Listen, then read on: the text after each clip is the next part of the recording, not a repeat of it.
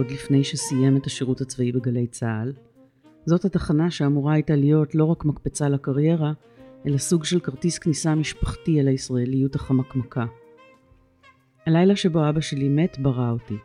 כך הוא אומר בשיחתנו שנע במסלול שאיכשהו הצליח להיות גם מזוגזג אבל גם מעגלי. שיחה שנעה בין המחזות שהוא כתב, לתסריט שעליו הוא עובד ולספר שהוא חולם לכתוב, בין סיפורי משפחה מרחיבי לב, שהם לא פחות מזה גם חורצי לב, לבין חוויות מקריירה של דוקומנטריסט ומראיין, שגם כשהוא מתראיין לפודקאסט אישי לגמרי, לא מצליח לכבות את הסקרנות וגם קצת לראיין את המראיינת. ברגע האחרון שינו לוקיישן ואנחנו יושבים בבית של חברה טובה שלך, דפנה. באמצע תל אביב. באמצע תל אביב, ליד מקום שהיה פעם הבית של יוסל ברגנר, הצייר הנפלא. ונזכרתי כשהייתי חייל ממש צעיר בגלי צה"ל, הייתי במחלקת תרבות. הגעתי לשם אחרי שהייתי בטל ילין במגמת תיאטרון. שלוש שנים, בט' עוד הייתי בכיתה מדעית, שנאתי כל רגע, זה היה פנטזיה של אבא שלי שהיה אימא פולניה מהגאונום בגוף של קוזק רוסי, הוא רצה שאני אהיה הייטקיסט, או משהו מחשבים, אלוהים, למדתי חמש יחידות פיזיקה, ביולוגיה, מתמטיקה, זה אני חושב התקופה היחידה בחיים שלי שהרהרתי בלקפוץ מאיפשהו. וזה היה בתיכון אוהל שם ברמת גן, שהוא בית חרושת לציונים. ו... טוב, אבא שלך בטח, אתה יודע, אבא פחד... שלי היה מלא בנשמה. לא, אבל פחד מהלופט גשפט ורצה שיהיה לך כן, מקצוע. כן, כן, כשהוא שמע שאני רוצה ללכת לבחינות על מאלין, הוא אמר לי, בוהמה, סמים, לא. ואז מרדתי את המרד היחיד בו, אה, הלכתי לבחינות לטלמה ילין, שיש גם בכיתה י' עושים בחינות, פותחים כיתה אחת. בלי שהוא ידע, זה הדבר הכי לא אופייני לי, אני הייתי ילד כזה בוק. אה, אתה הילד הקטן? לא, אני הבכור. אה, אוקיי. יש לי שתי אחיות. אה, אבא שלי היה טרוריסט לא קטן, אבל אז מרדתי כי הרגשתי שאני לא... וככה בסתר עם חבר טוב שלי שקוראים לו שי בן עטר, שהיום הוא תסריטאי ובמאי טלוויזיה, מצליח ומוכשר. והוא פשוט הציל אותי, הוא אמר לי, שי, שי כבר התקבל בכיתה ט', והוא אמר לי בוא אנחנו נעשה את זה.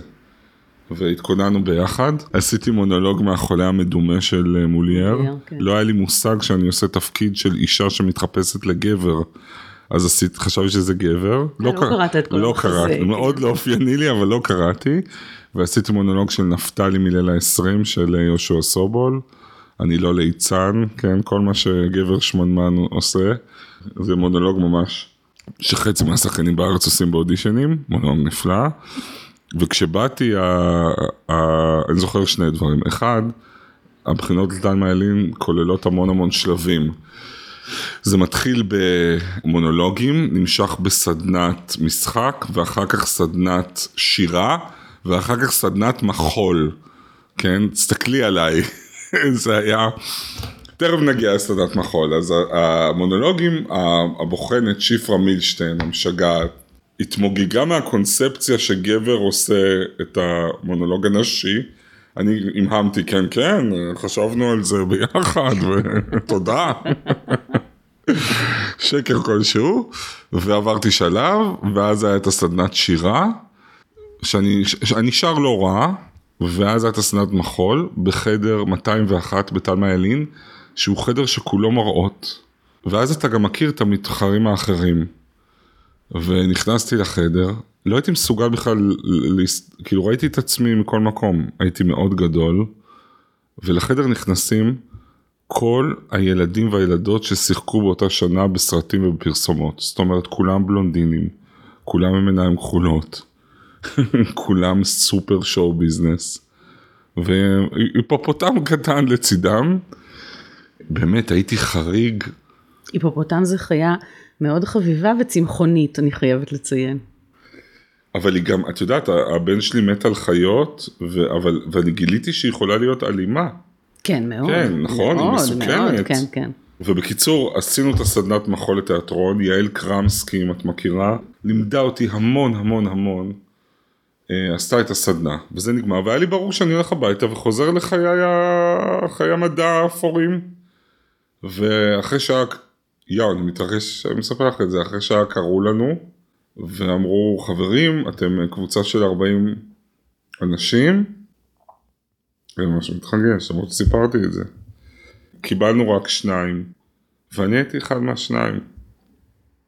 זה באמת אחד הימים הכי יפים והכי משמעותיים בחיים שלי. אבל איך סיפרת על זה לאבא שלך? אני לא זוכר, נראה לי כי הדחקתי, אני באמת לא זוכר את המעמד שסיפרתי. אבל אחר כך לימים, כשרצית להתקבל לגלי צה"ל, ישנו הסיפור כן, הידוע שאבא כמובן. שלך נלחם עוזק בשבילך. את עצמו. כן, זה היה משהו אחר לגמרי. ההפך לחלוטין. קודם כל, בתלמה ילין הוא כמעט ולא הגיע לראות uh, הצגות שלי, uh, למרות שהייתי לא רע. אבא שלי לא אהב את זה, אבל אני, זה היה בשבילי, כאילו נולדתי פעם שנייה להיות בתלמה ילין. זאת אומרת, בתי ספר לאמנות הם מקומות מאוד בעייתיים. והיו הרבה רגעים קשים ויש הרבה מורכבויות ואני את הילדים שלי נגיד לא אשלח לאומנויות נגיד ל, ליסודי את יודעת בתל אביב. אבל כי אני חושב שאתה צריך להיות ילד ואני לא בטוח שבגיל ההתבגרות זה נכון להתחיל להתחרות על תפקידים. ועדיין זה היה את יודעת ראינו תיאטרון בלי סוף.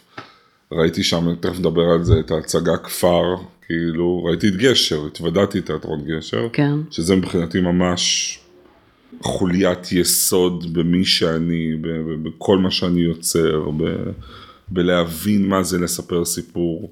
איך, התחלנו ממשהו אחר לגמרי, אה, התחלנו, הגענו- מג... אה, ניסיתי להוביל לגלי צה"ל, ו- צה"ל. ולעובדה שהאבא שהתנגד לתל המיילים, כן. בעצם אחר כך כן היה מוכן להילחם בשבילך. גלי צה"ל בשביל אבא שלי, גלי צה"ל בשביל אבא שלי היה אה, אה, חלום, פנטזיה, אה, הכרטיס כניסה לישראליות. אבא שלי נולד באוקראינה, הוא בא מצ'רנוביץ', שזה אגב עיר של הרבה אומנים, הם עלו לארץ בתחילת שנות ה-70, הוא נשלח לפנימייה, הוא היה בכור גם. כל החיים שלו הוא סחב את העניין של הגירה. גלי צה"ל בשבילו היה ממש הרגע שבו אה, הקובנים אה, מקבלים את סיכת הישראליות ומפליגים לחיים חדשים כן. וטובים יותר. אגב, הדבר המדהים במרדף אחרי ה- ה- הישראליות הוא שזה כמו שקית ברוח, אתה אף פעם לא יכול לתפוס אותה, זה לא משהו אמיתי. הוא התייחס לזה כאילו זה משהו אמיתי. כאילו, אני אתקבל לגלי צה"ל ואז גם, גם לא יקרה איזה משהו. כן. אני לא אספר עוד פעם את הסיפור, הוא עשה באמת מיליון דברים, אבא שלי היה לו חנות לחומרי בניין, אז פרוטקציה לא הייתה, אבל הוא ניסה כל דבר אפשרי והוא אזק את עצמו, סיפרתי את זה אה, בלשכת גיוס כדי ש... אני קיבלתי את זה במנילה, אבל אה, זה היה מאוחר מדי בשביל להגיע למבחן, אז כדי שייתנו לי זימון לשלב הראשון, ו... ובסוף התקבלתי, אני חושב שהוא נהנה מזה הרבה יותר ממני, אני די סבלתי בגלי צה"ל. אבל הדבר הטוב שקרה לי שם זה שבאמת, כמו שהתחלנו לפני חצי שנה, פתחתי פה סוגריים. אוי, זה נורא שמרואיינים פותחים סוגריים. זה נהדר שהם זה נהדר, כן. ככה נשים משוחחות תמיד, אה, זה השיחות אוקיי. שלנו הפרטיות האינטימיות, אז וולקאם, כאילו ככה, בטלוויזיה זה, זה גיהנום לפעמים, כי אתה צריך uh, לערוך את זה. נכון, גם כאן אני צריכה לערוך את זה, אבל זה הרבה יותר קל. כן, הרי, הרי בפגישה, כש... זה בסדר שאני, תכף נחזור ל... הכל בסדר. אוקיי, אז, אז כשהציעו לי בתאגיד, אמרו לי בוא תעשה תוכנית ראיונות. אמרתי בשמחה. ואז תפסתי את ראשי בין ידיי ואמרתי, אבל אני, אני, אני לא יכול לשבת באולפן ולראיין מישהו. משהו בסטריליות של הסיטואציה הוא... אני דוקומנטריסט, אני לא מראיין. כן. זאת אומרת, אני לא מראיין אולפן, אני לא איש אולפן, אני לא חיית אולפנים בכלל. ואז ישבתי עם שרון קרני, הנהדרת, השותפה שלי להמון המון דברים, את זה תשאירי, ואמרתי שרון, מה אני אעשה? ואז היא אמרה לי, מה... אז איך תרגיש בנוח? אז אמרתי, אני ארגיש. אני יודע, באמת אח- אחרי הרבה שנים. בטלוויזיה דוקומנטרית, שאם אתה רוצה להגיע לאיזושהי אמת או אינטימיות, יש גבול למה שאתה יכול להוציא מהאנשים בשאלות ותשובות. אבל אין גבול למה שאתה יכול להוציא או לקבל בתנועה, בסיטואציה. הרי נשמת אפו של הדוקומנטרי זה הסיטואציה. גם כשאת רואה אימא ובן מלבנים את הפצע מהעבר בסרט דוקומנטרי במטבח, כמעט תמיד מישהו יכין קפה או מישהו ימיין את המזלגות או שיקרה משהו שתהיה תנועה. כן. ופגישה, התוכנית יושבת על זה. יש קיר תמונות, ואז יש פינת קפה, ויש את הספה. ויש ואז את אתה לוקח את נינט לעמוד מאחורי הקיר תמונות. נכון, אני, זה רגע מקסים בעיניי. אם מספר, אם נינת מספרת שהכל התחיל מבחינתה, כשהיא ישבה בקריית גת ועמדה מול המראה ועצמה עיניים ודמיינה את עצמה שרה, עם הדאודורנט ביד במקום כן, מיקרופון. כן. אז, אז בוא נראה אם אחרי שהיא באמת, קשה לחשוב על מישהי שעברה את, ה, את כל התיעוש האפשרי שזמרת יכולה לעבור פה, ו, ומרדה בו, לזכותה יש לומר, בוא נראה אם היא מסוגלת לחזור לאותו מקום. אז אמרתי לעצמי, נתחבא מאחורי הקיר והיא תשיר. כן. כמובן שהצלמים התפתו לצלם איך זה נראה שאנחנו מאחורי הקיר, וחבל. וזה, כן. וזה הרגע הכי יפה בתוכנית. נכון, ואז אני חוזר למה שאמרת קודם, שהרגעים המשמעותיים הם כשהצופה, ובמקרה שלך, כמו שאמרת, מאזין, מרגיש שהוא נקלע לאיזה שיחה, כן? ואז יש סיכוי שיקרה משהו אותנטי, כי הדבר הכי נוראי בטלוויזיה זה הזיוף. כמה פעמים קורה לי שאני יושב מול הטלוויזיה ואני אומר לעצמי, מול האקטואליה, למה את לא שואלת אותו את זה? למה אתה לא שואל את זה? אבל למה אתם לא מדברים על זה? העניין הוא זה, לא כל ה... אז... אה, אז אני בכל זאת אחזיר אותך לאבא שלך, אפילו שזה לא הנושא שלנו המרכזי, אה, משום שאמרת שהוא קיווה שיקרה גם לו משהו כתוצאה מזה שהקובנים נכנסים למיינסטרים כן. הישראלי. אבל הקובנים לא נכנסו למיינסטרים. אבל הוא נפטר מאוד צעיר, כן. אז כמה הוא הספיק ליהנות מזה? הוא, אבא שלי נפטר לקראת סוף השירות שלי בגלי צה"ל, הייתי בן 21, וזה היה ממש במקביל לדעיכה של העסק שלו. מיום ליום בשלוש שנים האלה הוא, הוא לאט לאט העדיף לא להיות בעסק ולעמוד עם ה-GMC שלו ליד ה... היה לו מכונית ענקית כזאת אמריקאית ליד התחנה ולהציע טרמפים לכל מיני כתבים. היי נדב אייל רוצה אתה צריך להגיע לכנסת אני אסיע אותך היי. הוא היה מסיע אני הפקתי איזה תקופה את אה, ציפורי לילה מערכות עם יאיר לפיד ודפנה שפיגלמן. ואבא שלי היה הדרייבר של האורחים כאילו. כשהוא שמע שפרנינה רוזנבלום באה נגיד, הוא שכר חליפה והתקלח שלוש פעמים. נהדר. ואני יודע, מיקי ברקוביץ', אנשים, אם בשבילי, אני פגשתי בגל"צ גיבורים שלי, אז אבא שלי, אני אספר לך עוד סיפור, די, אבל אבא שלי זה יכול להיות גם חמש שיחות, זה אינסופי, אני אספר לך עוד סיפור אחד, בסדר? אוקיי. ואחר כך את הסיפור על פינוקיו. כי זה אני פינוקיו. חייבת שיהיה ב... אבל על. פינוקיו זה סיפור, ש... זה שם קוד פינוקיו. טוב, תתחיל בסיפור שאתה רצית לספר. שלחו אותי לכסות אה, את פתיחת העונה של מכבי תל אביב בכדורסל.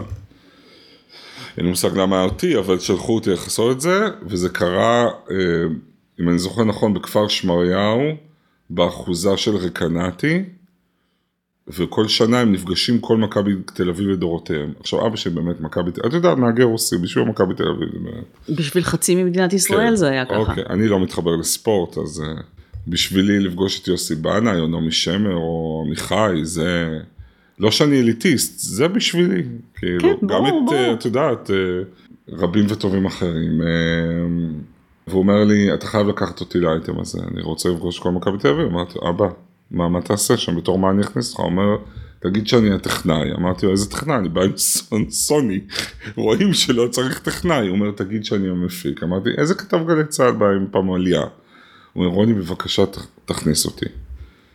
בעיני הכלבלב הרוסיות המקסימות שלו, ואי אפשר היה להגיד לו לא. והמצאתי איזה תירוץ שאנחנו באים, שאני בא פל, פלוס וואן, ואנחנו עומדים מול, אני ואבא שלי מרמת גן, כן, חנות חומרי בניין באזור, מול החומת כניסה, כי זה היה מין כמו כניסה לגראז' כזה, דלת הזזה שנפתחת. העצומה באחוזה בכפר שמריהו, ואת יודעת, וזה באמת, זה כמו, זה כמו בסרטים, ופתאום זה נפתח. ואתה רואה מלצרים עם קוויאר, ואתה רואה כוסות שמפניה, ובשבילו מיקי ברקוביץ' וגודס, דורון ג'אמצ'י, ואני רואה, הנה זה רגע שבו, אגב זה בעיניי לא הישראליות, אבל זה הרגע שבו הוא חוצה איזה קו, והוא קיבל את מה שהוא רצה, לפחות לערב אחד. נו, נהדר שיכולת נכון, לתת לו נכון, את זה, נכון, זה נהדר. היה מקסים. שלא לדבר על זה שהוא מיד ניגש, ניגש לג'אמצ'י ואמר לו, תשמע, במשחק ההוא, ב-80 וזה, יכולת לשחק קצת יותר טוב, כאילו. אני אומר לך, היית צריך ללכת, אבא שלי היה כזה, זאת אומרת, מיד הוא נהיה ה-best buddy של חצי מהאנשים שם, ואני הייתי נבוך נורא, ואמרתי לעצמי שלעולם אני לא אקח אותו יותר לאייטמים, אבל כמובן שלקחתי אותו לעוד הרבה דברים. תשמע, אני התחלתי את הקריירה העיתונאית שלי בתור עיתונאית קטנה של הארץ שלנו בכיתה ב' או ג', משהו כזה. וואו. ואימא שלי הייתה הנהגת שמסיעה אותי ל- לראיין כל מיני אנשים, ובראיונות הראשונים אני גם כל כך התביישתי, שהיא ישבה איתי בראיון. מקסים. אני ביקשתי ממנה, ואני זוכרת שהיא אמרה לי, לקחה אותי לשיחה ואמרה לי, אם את רוצה באמת להיות עיתונאית, את חייבת להפסיק להתבייש כל כך. זה היה הפוך. איך קראו לה לאמא שלך? אניטה. אניטה? נכון. מהגרת גם? כן, אבל היא הגיעה בגיל ארבע. מאיפה? מגרמניה, שני ההורים שלי מגרמניה. ובגלל זה אנחנו נגיע תכף לסבתא היקית שלך גם, אבל... כן, אני מת על יקים. אמ, היקים הדומיננטיים בחיי זה סבתא שלי ועמרי אסנהיים חבר טוב שלי. אבל הבטחת את הסיפור על פינוקיו, אני צריכה את הסיפור על, על פינוקיו. אני לא זוכר בדיוק מה כתבתי. אה, לא חשוב, תספר, אתה יודע אבל במה מדובר. כן, בעובדה שאבא שלך ידע להמציא סיפורים. אבא שלי היה, אה, כן, אבא שלי היה ממציא סיפורים, או במילים אחרות שקרן כרוני, מענ- מענג ונפלא. יש אזורים בחיים שזה יכול להיות בעיה, אבל נדבר עליהם פחות. ואני זוכר שהלכנו לסרט פינוקיו, זה היה בקולנוע אואזיס. אני חיכיתי לו כאילו נורא נורא נורא נורא איחר, ולי היה נורא חשוב לראות כל הסרטים מההתחלה. ואז הוא הגיע והמציא איזה תירוץ אה, אידיוטי אבל מקסים, התחיל לספר איזה סיפור, נתקעתי מאחורי אה, רכב שהסיע בנות יענה ו... והתחיל להפליג ולהפליג ולהפליג ולהפליג, זה היה כבר יותר מעניין מהסרט, כאילו. אז הפואנטה במה שכתבת, תרשה לי להזכיר לך, הייתה שאתה אמרת, הפסדנו את ההתחלה, והוא אמר לך, אני אספר לך את ההתחלה. וסיפר לך איך פינוקיו בקע מביצה. נכון. אני אגיד לך למה התעקשתי בכל זאת לשמוע ממך כמה אנקדוטות על אבא שלך, כי אני אה, ראיתי בדבקות את כל הפרקים של פגישה, את כל העונה. אה, וואו. כן, כן, הרבה לפני שהתחלתי לעשות את הפודקאסט. מאוד אוקיי. אוהבת את התוכנית שלך. תודה רבה. ושמתי לב שכשאתה מדבר עם אנשים ו... וככל שהתקדמת בעונות, אתה מספר קצת יותר. כשהם נוגעים בנושא הזה של מוות, אז בהתחלה לא אמרת כלום, ופתאום התחלת להגיד כמה דברים. אה, שמעתי אותך אומר למרואיינים, כן, אני הייתי בן 20 ו... כשאבא שלי מת, או דברים כאלה. ותהיתי אם הזמן שעובר משנה משהו, עוזר משהו, איך התמודדת בכלל? זאת שאלה טובה. פגישה היא ממש, היא נס מבחינתי.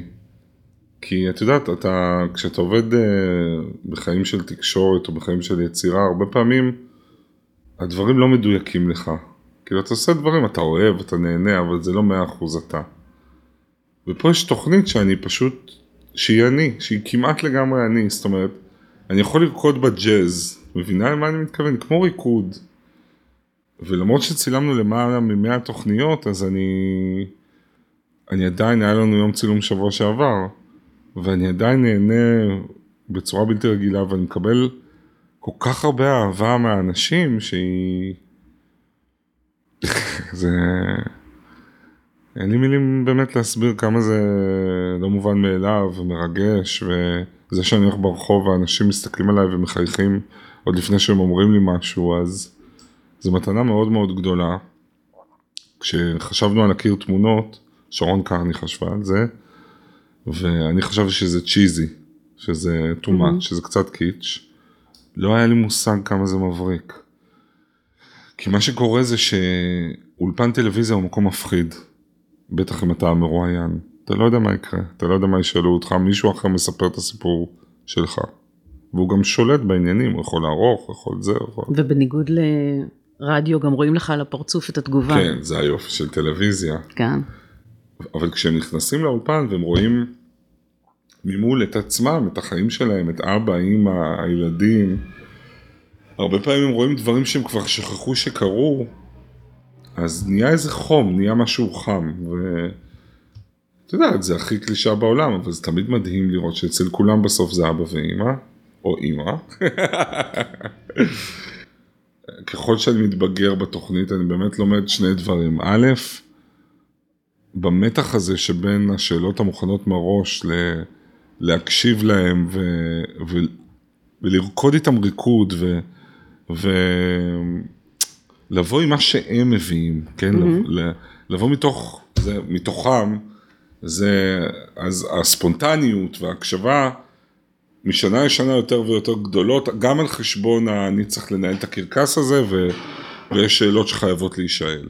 וזה נכון אני חושב שאני קצת יותר מדבר על עצמי, תראה אני עורך את זה, אני, אין פה איזה תוכנית אב, כאילו אין לי, אני לא יודע, יש תוכנית שאנחנו מחליטים להשאיר, יש תוכנית שאנחנו לא, צילמנו עכשיו ממש תוכנית עם רשף לוי, באמת אחת היפות שצילמנו בשנה האחרונה, והוא בא, הדבר ראשון שהוא אומר לי, הוא נעמד, נעמד ליד הקיר, הוא אומר, טוב עכשיו אני צריך לבכות?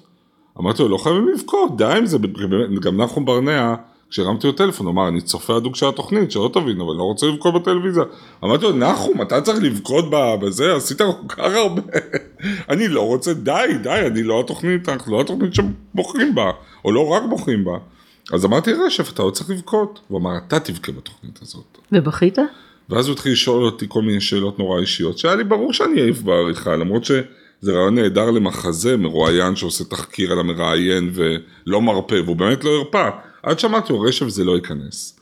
כמובן, הוא התחיל לדבר על משהו ובכה. העניין הוא לא הדמעות, העניין הוא הרגעים שאין בהם מילים. דמעות זה פשוט רגע, כן, של קונפליקט פנימי מובנה, כי רוב האנשים לא רוצים שיראו אותם בוכים, ואז אתה רואה דרמה על הפנים שלהם שהיא אמיתית. כן. אי אפשר לזייף, אבל זה לא קורה רק בדמעות, זה קורה גם בשתיקות.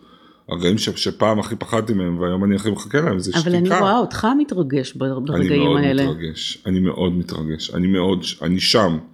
אני שם, אני לא רוצה לדבר על זה הרבה כאן איתך, כי זה קסם שאני מפחד שהוא יפוג לי. כן. אבל אני באמת, תראי, יש לי הפרעת קשב קלה. אני לא יכול לשבת, אה, אף פעם לא יכולתי לשבת בכיתה בלי לצאת בעשר דקות האחרונות. שנה שעברה הייתי בתוכנית של מנדל, של מכון מנדל, מנהיגות בתרבות, חזרתי לכיתה אחרי איזה עשרים ומשהו שנה, לא למדתי באוניברסיטה, אז מאז התיכון לא הייתי בכיתה. ונורא נהניתי, והיו שיעורים נהדרים, והייתה קבוצה מדהימה, אבל המקום שלי היה, תמיד ישבנו בחטא, הקצה של הצלע שקרובה אל הדלת, כאילו. כן. ויש משהו בפגישה, כשיושב מולי המרואיין והאור במצלמה נדלק, שאני נכנס לריכוז שאין לי, אין לי בשום מקום אחר בחיים, אני לא יודע למה. ואני מרגיש כאילו, הריכוז הזה הוא כמעט, אני לא קדוש ואלטרואיסטי, אבל הוא כן יושב על זה שאני צולל לתוך מישהו אחר. אני חד ואני קשור ואני מהיר, כמו שאני בחיים לא, בחיים עצמם. כן. אתה יודע, בתקופת הדייטים שלי, כבר עבדתי בטלוויזיה, סוף, אמצע סוף שנות ה-20. הייתי יוצא לדייט, והייתי כבר קצת מוכר, עשיתי עובדה, עשיתי 24 שעות בערוץ 8, והיו באות בחורות ו... ואומרות, תקשיב, בטלוויזיה אתה יותר אה, מצחיק, אתה יותר... אז אמרתי להם, ברור, בטלוויזיה אני ערוך, כאילו, סליחה על הרכיכה שאני, כאילו, אז כן. בסדר. מה שניסיתי לשאול, זה עם כל המפגשים האלה עם האנשים ש... באמת מספרים לך סיפורים מאוד כואבים, או... אז אני תוהה אם... אני אוכל עוגה נפלאה, סליחה על הרעש, מאזינות ומאזינים. דפנה הביאה עוגה, אי אפשר לא... כן, נכון, עוגת תפוחים. בקיצור, מה שניסיתי לשאול, זה אם כל המפגש הזה עם, עם הכאבים של אנשים אחרים, באמת, ועם אבל של אנשים אחרים, משפיע עליך גם באופן שאתה מתמודד עם ה... כי אתה הרי סוחב את הסיפור הזה מגיל 20 וקצת. בטח, אני סוחב, אבא שלי מת כש... הייתי מאוד צעיר, אה, היו לי שתי אחיות קטנות, הוא השאיר אחריו חובות, אבל זהו, אנחנו לא מדברים על זה יותר. אין בעיה. אה, ולמרות שאני מאוד מאוד מטופל, יש משהו, כמו שאמר לי, לא מאמין שאני עושה name dropping כזה עכשיו, אבל אמר לי את זה הבן של ג'ון לנון. כן. זה אחד הרעיונות הכי משמעותיים שהיו לי בחיים, ראיינתי את ג'ון לנון, שקם באמצע הרעיון והלך, אבל בסוף חזר.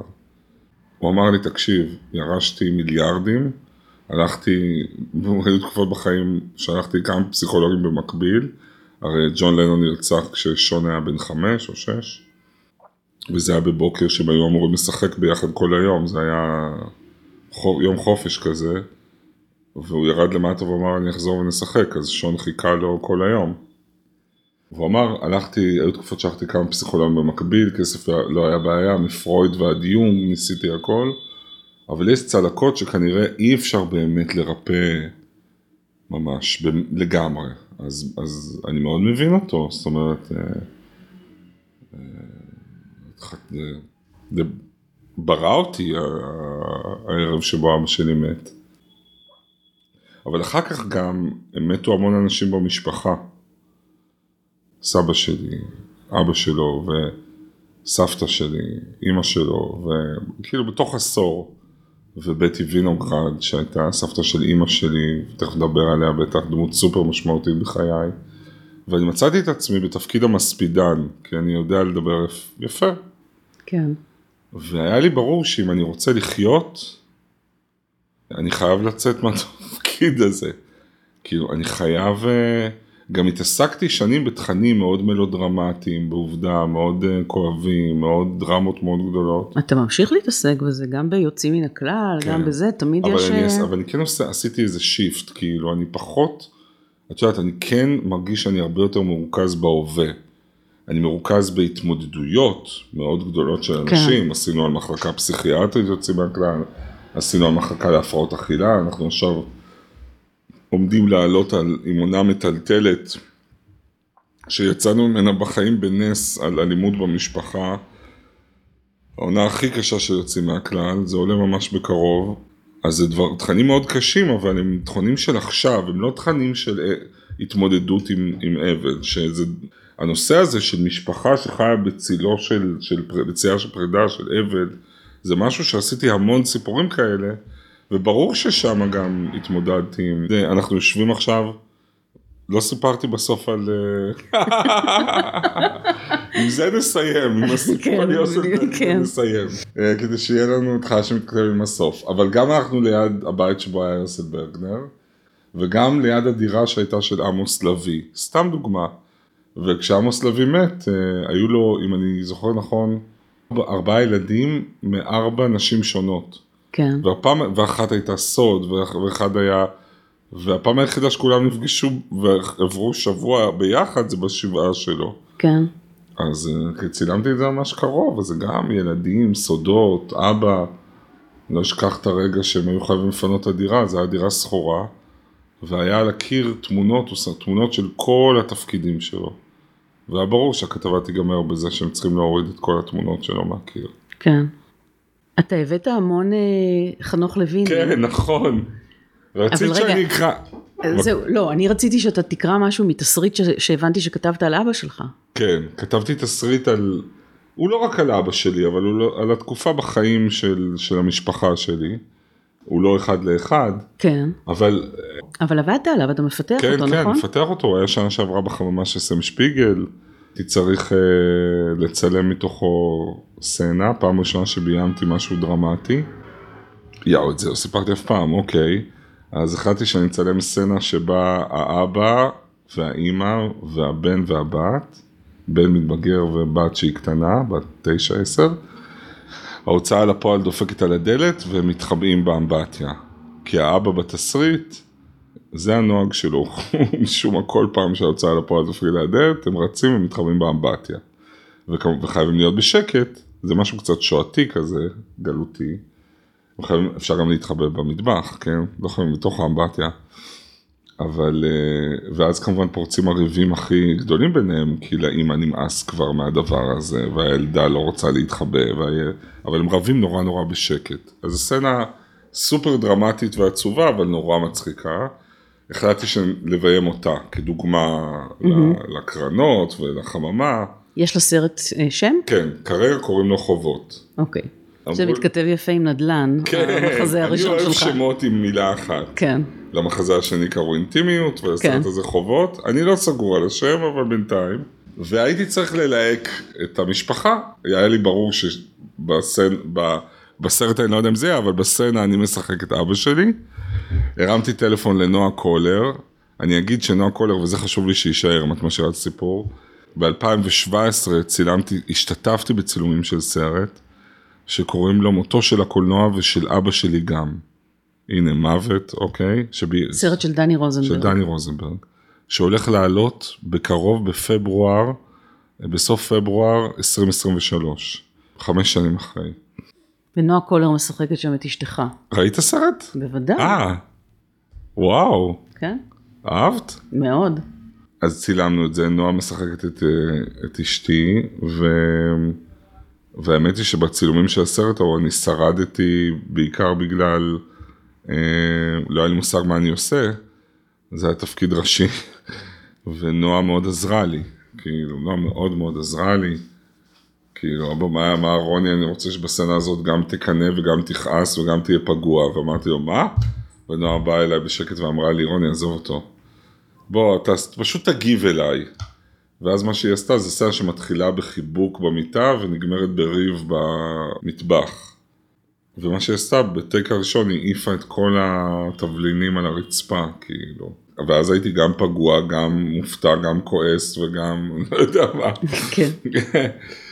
בקיצור, כשבאתי לביים את הסצנה הזאת שלי, שאני כתבתי באמבטיה, אה, הרמתי לטלפון, היא קראה, היא אמרה שמאוד אהבה ומאוד עסוקה, היא צילמה קופה ראשית וקמפיין ל... לא זוכר למה, לבזק אולי, עם גידיגור, ואז אמרו לי מהסוכנות שלה שביום שבו אנחנו יכולים לציין אי אפשר.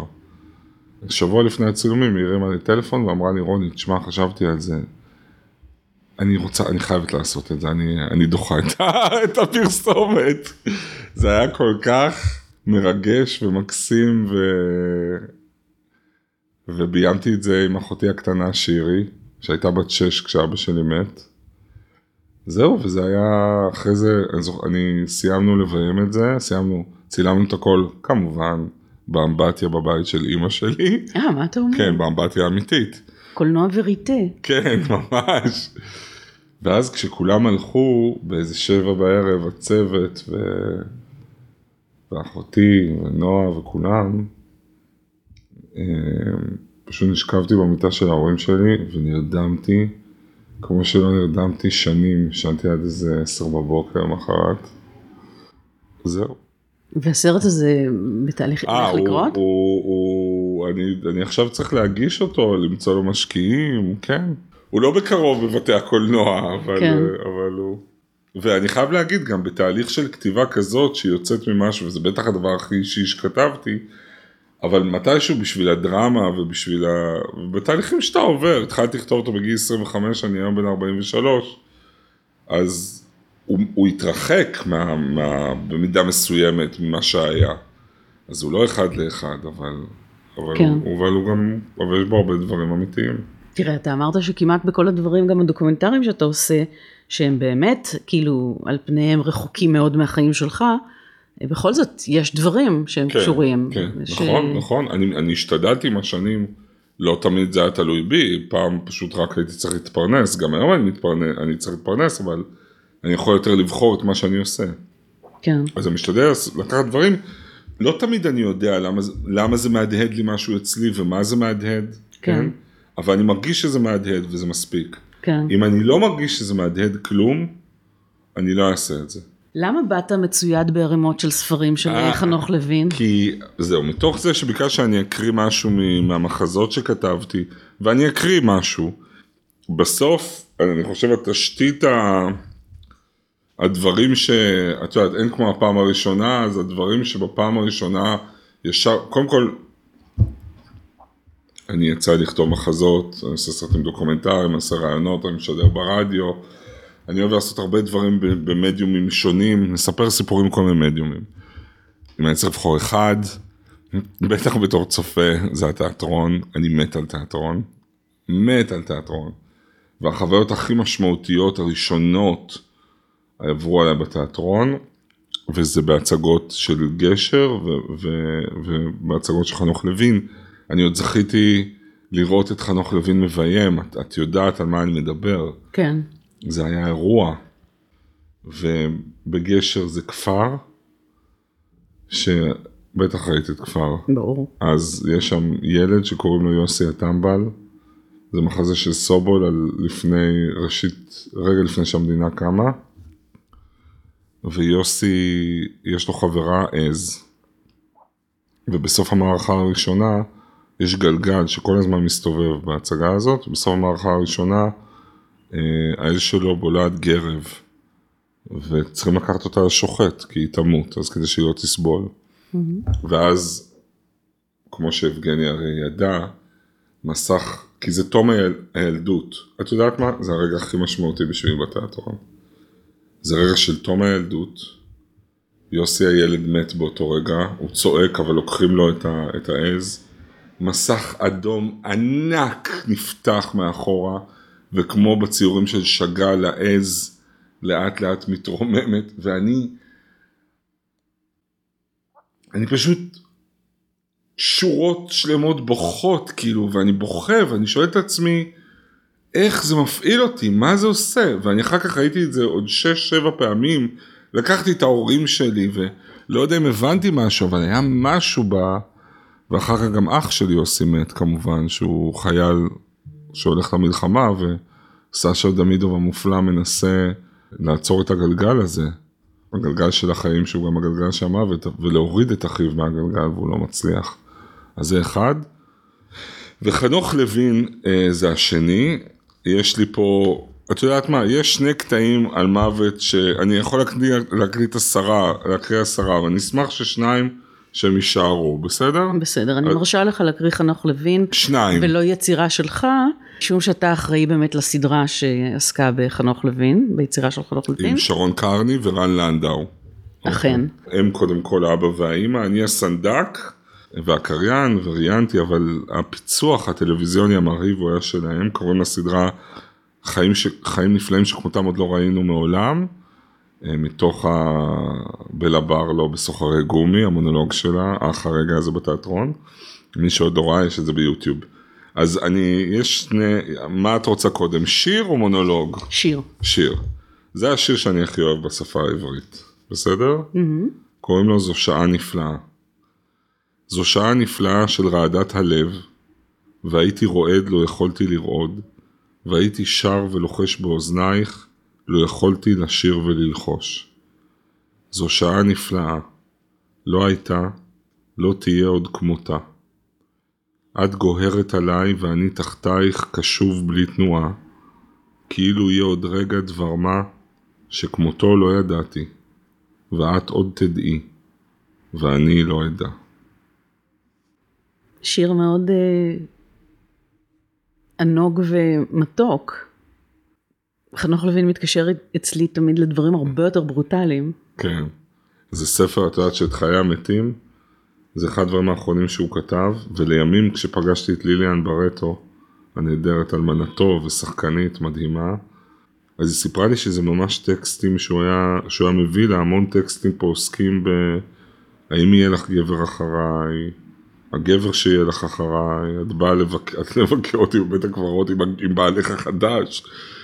כל הזמן ניסה להשביע אותה שלא יהיה לה מישהו אחריה, אחריו, והיא כמובן הסכימה, אבל היא ידעה בלב ש...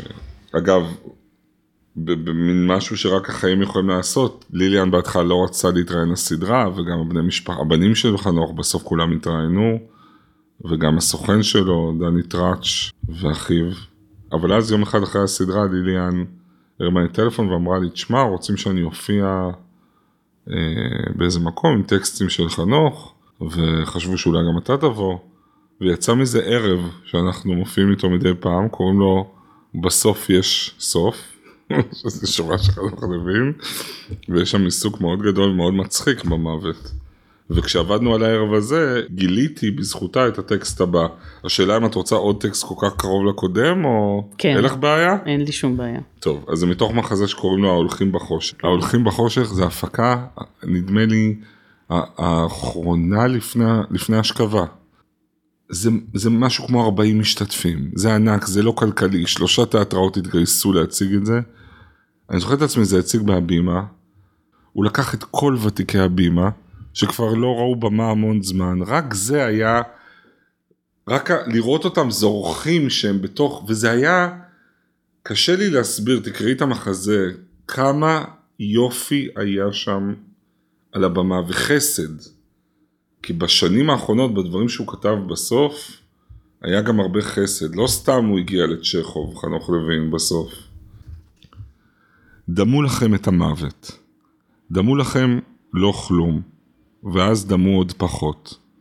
דמו חושך מוחלט, ואז דמו חשוך עוד יותר. דמו את מה שאינכם יכולים לדמות. דמו כל מה שהכרתם. את הנשים, הגשם, הלחמניות, השמש, והוסיפו להם את התואר לא. לא גשם, לא שמש, לא לחמניות, לא נשים. דמו את כל זה ומחקו גם את הדמיון. כי נגמרים הצורות, הצלילים, התחושות, ואל תפחדו, נמחק גם הפחד, נגמרות גם המילים, גם מילות השלילה, נמחקת המילה לא, נמחקת המילה אין. גם העינות איננה, והלא כלום מוכפל. לא תוכלו לשוות בנפשכם עד שתגיעו, וכשתגיעו, לא תוכלו עוד לשוות. זה משהו שמעסיק אותך דרך אגב? תראי, מעסיק אותי במובן הכי קלישאי בעולם, אבא שלי מת בגיל 46, אני בן 43. פרקטית, כאילו, את יודעת, אני מנסה לאכול יותר נכון, אני לוקח כדורים נגד כולסטרול. אתה עושה כושר? אני עושה כושר, מאזינות ומאזינים, הייתם מאמינים פעמיים בשבוע. כי אני רוצה לחיות. אין לך מושג כמה איסורי מצפון זה עשה לי כשאמרת לי להיפגש אחרי שאני, אחרי המאמן כושר. שונ... את לא עושה? לא, אני לא מצליחה להביא את עצמי לזה. חבל. זה עושה טוב. כן. זה רק גיהנום. אין דבר שאני שונא יותר מזה. אני שונא את זה. אני, מס... אני מאחר ברבע שעה, השיעור הוא בן שעה. מאחר ברבע שעה. כל 20 שניות אני מסתכל בשעון. מתי זה ייגמר? מתי זה ייגמר? אז זה מעסיק אותי במובן הזה, שאני לא רוצה, אני רוצה לנצח את, ה, את הגנטיקה. אבל את ה-N הזה שחנוך לוין מתאר כאן זה משהו שהמוח לא בנוי לתפוס לא, בכלל, לא, נכון? לא. כאילו אפשר לדבר על זה עוד, הוא מנסח את זה נהדר, אבל זה לא באמת, זה כאילו מגיע לאיזה מבוי סתום וטאק, אתה נתקע בקיר. כן, ויש לי הרבה חברים שאומרים, אני, אני שווה נפש מול זה, מה שחשוב לי רק זה שהסביבה שלי לא תסבול, כואב לי על אלה שנשארים מאחור, אני ממש לא שם, זאת אומרת כואב לי ואני רוצה לחיות, יש לי ילדים, אבל, ואני רוצה לי, להיות איתם כמה שיותר, אבל את יודעת, הרעיון הזה ש... כן, שאתה נמחק, הוא, הוא בלתי נתפס, הוא, הוא מטיל עליי אימה, כמעט כמו שהוא הטיל עליי אימה כשגיליתי בפעם הראשונה שיש דבר כזה כשהייתי ילד, כמעט באותה מידה. יש יוצרים שמשתמשים בזה בתור קטליזטור.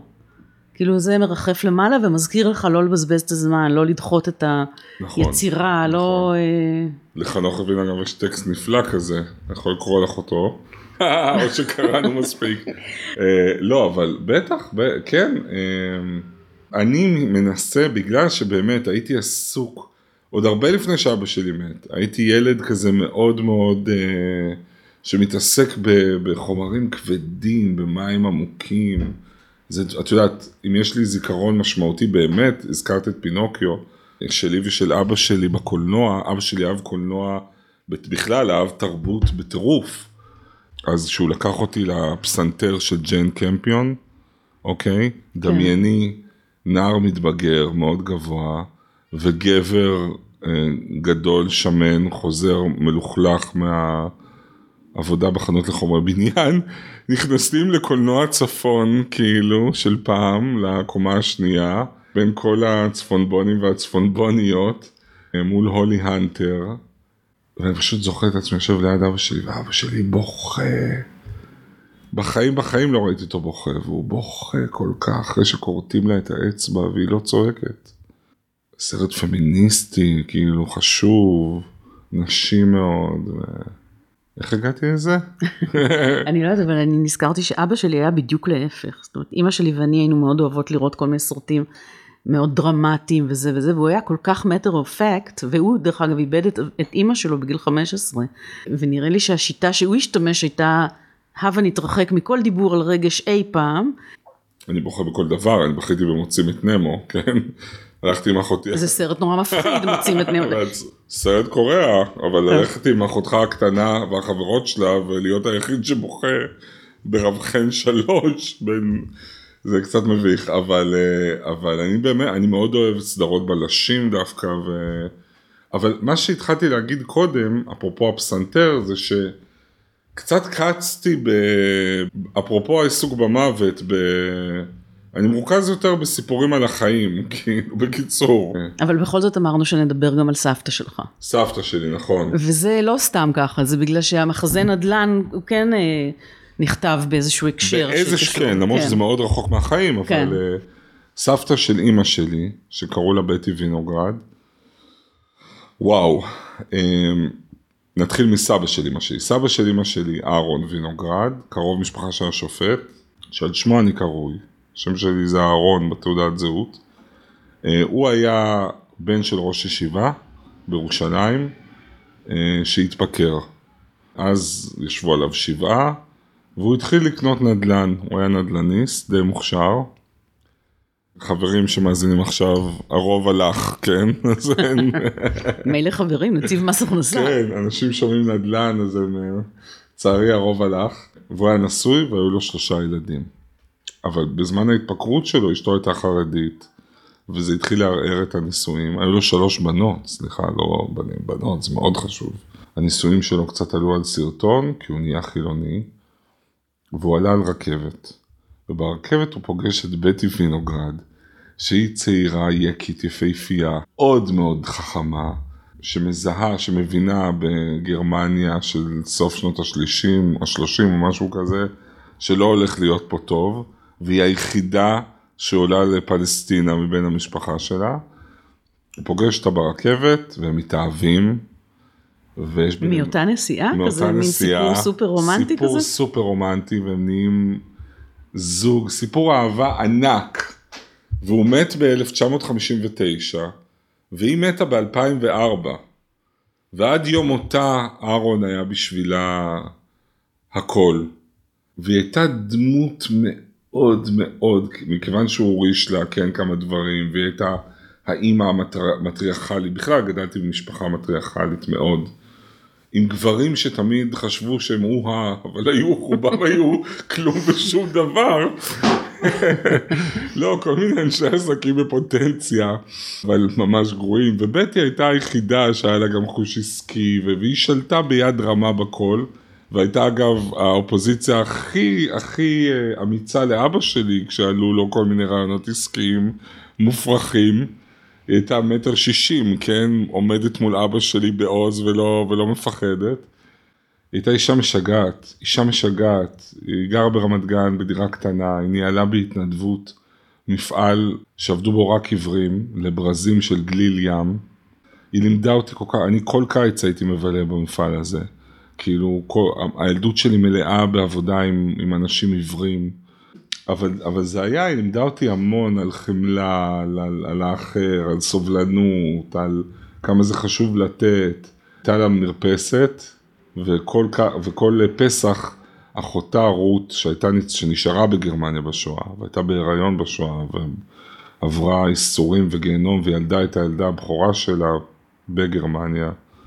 של המלחמה, בגרמניה של המלחמה בסתר, ורות הייתה מאוד ניצולה כזאת עם, אה, איך אני אגיד, שימי השואה ליוו אותה כל החיים, כל מיני התפרצויות וחלומות קשים, אני ממש זוכר את זה בתור, אני זוכר שכשרות בא ענן היה מתיישב מעל הבית של סבתא שלי ברמת גן, והיא הייתה בו כל בוקר עולה על אוטובוס נוסעת לים, רות, והייתי נוסע איתה לפעמים. לא יודע, זה היה כזה קיום שהוא מאוד, אני לא מאמין שאני אומר את זה, אבל זה ישראל שגדלתי בה, שהייתה אחרת, כאילו, שהייתה יותר, יותר סולידרית, יותר, אה, יותר פשוטה. אה, עם יותר ערבות הדדית. ו... אבל זה יפה שאתה הילד הקטן שמת לב למה שעובר על הנשים המבוגרות האלה. כן, ממש, נכון. בסדר, תמיד הייתי רגיש לסביבה, אבל הם היו גם מאוד משתפות, הן היו שתי נשים מאוד אקספרסיביות. כאילו אני זוכר שכשאימא שלי הייתה בהיריון עם אחותי, אה, היה איזה רגע שהיו צריכים לקחת אותה בבית חולים חודש שמיני כבר לשמירת הריון, וזה נפל על יום הכיפורים, ורות הייתה מאוד מאוד דתייה, והם הלכו לבית כנסת, רחוב הרצל ברמת גן זה ממש לא רחוק מבית הכנסת הגדול, שהוא בכלל מבנה כזה, את יודעת, כמו של פעם, ענק, מטיל אימה ויראה, ואני זוכר את רות אומרת לי, אתה עכשיו צריך להתפלל עד סוף יום הכיפורים, כאילו, כדי שאמא תהיה בסדר. אז הם לא חסכו ממני כלום. אבל בטי הייתה, לא יודע איך להסביר, היא הייתה מצד אחד אמיצה מאוד, מצד שני סופר חכמה ופרקטית ומצחיקה, והיא מאוד אהבה אותי, ומאוד אהבתי אותה. אז זה שאתה מאבד את והיא החוק. מתה אחרי אבא שלי דרך אגב, תאמיני או לא, כמה שנים אחריו. בת כמה היא הייתה? 90, אני חושב. ככה זה 90 יקים, קצת. נו. ככה זה, אני כן. מקנא ביקים. חבל, את מבינה שאין קשר דם, כאילו, כי הייתה אש- אשתו השנייה של אהרון, הם לא הביאו ילדים. אז אין לי את הגנטיקה המופלאה של בטי, שבאמת הייתה, אה, באמת הייתה, אין, יקים, אין. אז היא מככבת בנדל"ן, נכון? כן, כן, ו- ועכשיו אה, הילדות שלך או אבא שלך מככבים בסרט. כן. פחות או לא יותר. יצא. כן, שעוד לא לא ילדות, יצא. לא. זה גיל 17 עד 20 כזה. אז זה עוזר לך שאתה מאבד את, ה- את הפרדות האלה ואת ה... מאוד. זה לא ליצירות? בדיוק מאבד, זה לא רק הפרדות, זה, את יודעת, זה... קיבלתי בשנים האחרונות כמה הצעות לכתוב ספר, ואני, אין לי זמן. אבל מה שנורא מדגדג לי עכשיו, זה הרעיון של עבר עליי כל כך הרבה, אני רוצה, אני לא רוצה שזה יישכח, כאילו, אני רוצה... ואתה לוקח קפסולה של תקופה, או לפעמים קפסולה של יום, ו... ואתה שם אותו, ואז משהו ממנו נשאר. ואני יכול להגיד לך שמבחינתי, קודם כל הימים שמחזות שלי עלו, הם היו מהמרגשים בחיי, כן, תארת לעצמי. אמ, כי קורה משהו, קודם כל המעבר לבמה, אבל הרגע שזה פוגש את הקהל הוא מיסטי, כן. הוא מיסטי. ההצגה בעצם נבראת מחדש. כי דברים שחשבת שירגשו הם בעצם מצחיקים, דברים בחיים לא חשבת שהם, שחשבת שנורא יצחיקו, אף אחד לא מגיב אליהם, דברים, קורה משהו. כאילו נכנס אוויר אל הגוף, או נשמה אל הגוף, זה, זה מדהים. וגם, מבחינתי, וזה משהו שאני עד היום מנסה להבין למה, להבין למה אבל אה, בתור מישהו שכל הזמן שואף לרגעים של אמת, עם המרואיינים, עם, ה, עם הסרטים שאני עושה, המקומות שאני מתעד, אז דווקא מבחינתי ב fiction, ב fiction, ב- בעלילתי, יש הכי הרבה אמת שאותה אני מחפש. עכשיו זה, זה, זה מומצא, גם מחזות שכתבתי, אינטימיות, זה בטח לא קרה לי ולמשפחה שלי, וגם נדל"ן זה מאוד רחוק, חוץ מבטי ואהרון, שהשארתי בשמות שלהם כדי לה- להנציח אותם, זה ממש לא הסיפור שלנו. אבל יש איזה אמיתות רגשיות, מחוזיות, ש, שנמצאות שם, את יודעת, באינטימיות יש סצנה אחת, שרק אני יודע מהי, שהיא באמת מקסום כל הכאבים שלי מאיזה תקופה בחיים. ואני, עכשיו תמיד, ציפי פינס צוחקת עליי, כי אני הייתי מסוגל לבוא כל ערב, כן, כן, להשכיב את הילדים, כי זה לשמחתי היה בחצי השני של ההצגה, אז אני עולה על מונית, מגיע בתשע ורבע לתיאטרון, כבר יודע שזה רגע לפני הסצנה הזאת, נכנס, יושב בעולם, צופה בה, בוכה עם הקהל, גם התחושה הזאת שהקהל בוכה את הדבר הכי אינטימי שישבת בבית וכתבת בפיג'מה מתוך הזיכרונות שלך, פתאום 500 איש איתך. אז אתה מבין שאתה לא לבד. ואני הייתי בא, רואה את הסצנה הזאת, נושם וחוזר הביתה. כי זה מין... ואת זה יש רק בתיאטרון. אבל התחלת להגיד משהו על ספר, שיש לך רעיון אה. ספציפי לספר? יש לי, וואו, אני לא מאמין שאני אומר את זה, אני... דפנה, מה את, מה את עושה לי? יש לי, רע- אני, אני, אני קצת רוצה לכתוב, אנחנו לקראת סיום, נכון? כן. אז אה, לא רחוק מפה, אה, גר יוסלברג. או, אנחנו חוזרים ליוסל, התחלנו, עשינו אוקיי. סיבוב ארוך מאוד מאוד, חוזרים לדלת של יוסל ברגנר, ודרך אגב זה ברחוב בילו. אוקיי. כי הבניין ישנו ויש עליו שלט. עכשיו אני מאוד אהבתי את ניסים אלוני ויוסל עשה לו את כל התפאורות. והם היו חברים טובים וכשבאתי לראיין אותו לגלי צה"ל אז הוא פתח לי את הדלת כמו קלישאה של צייר והוא היה גם באמצע הריב עם אודרי שהיא גם הייתה ציירת נהדרת. והיו כמה קומות בבית הזה והם רבו בין הקומות. זה היה חוויה ובכלל אני מסתובב בתל אביב שאותה אני מאוד מאוד אוהב את יודעת ואני כבר בגיל כזה שעולם ש... שכשיצאתי לדרך שלי הוא היה אני ראיינתי את עמיחי, כן, ראיינתי את יוסי בנאי. יוסי בנאי פה לא רחוק בשדרות חן הזמין אותי להתכונן ביחד, בוא נתכונן, אנחנו מגישים תוכנית, אז נשב ונדבר. אין לי מילים להסביר מה זה היה בשביל לשבת חמש שעות עם יוסי, באמת, אין לי...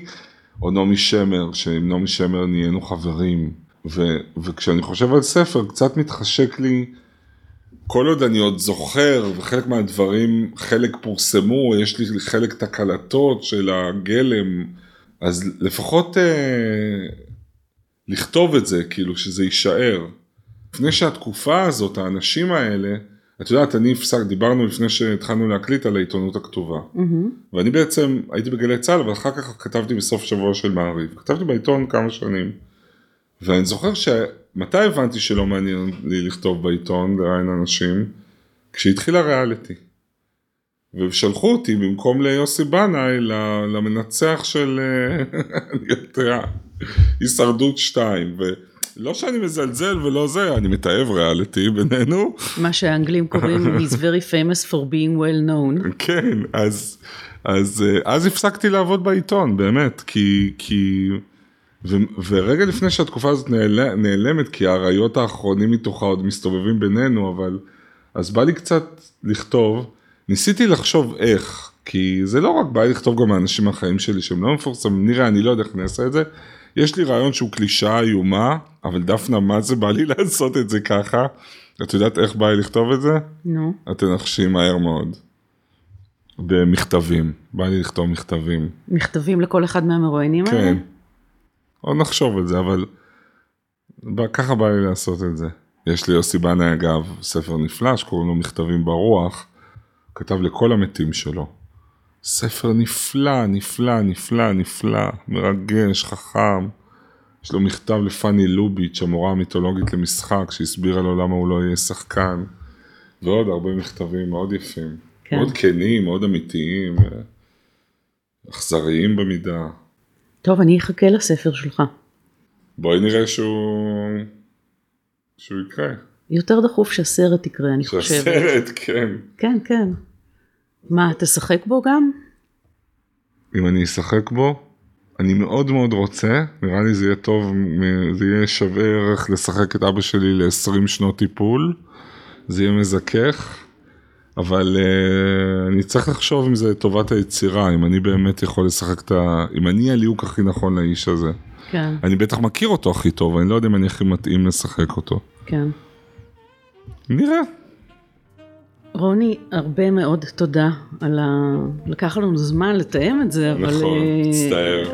אבל היה שווה כל רגע בעיניי. אחלה, תודה רבה. תודה רבה. תודה.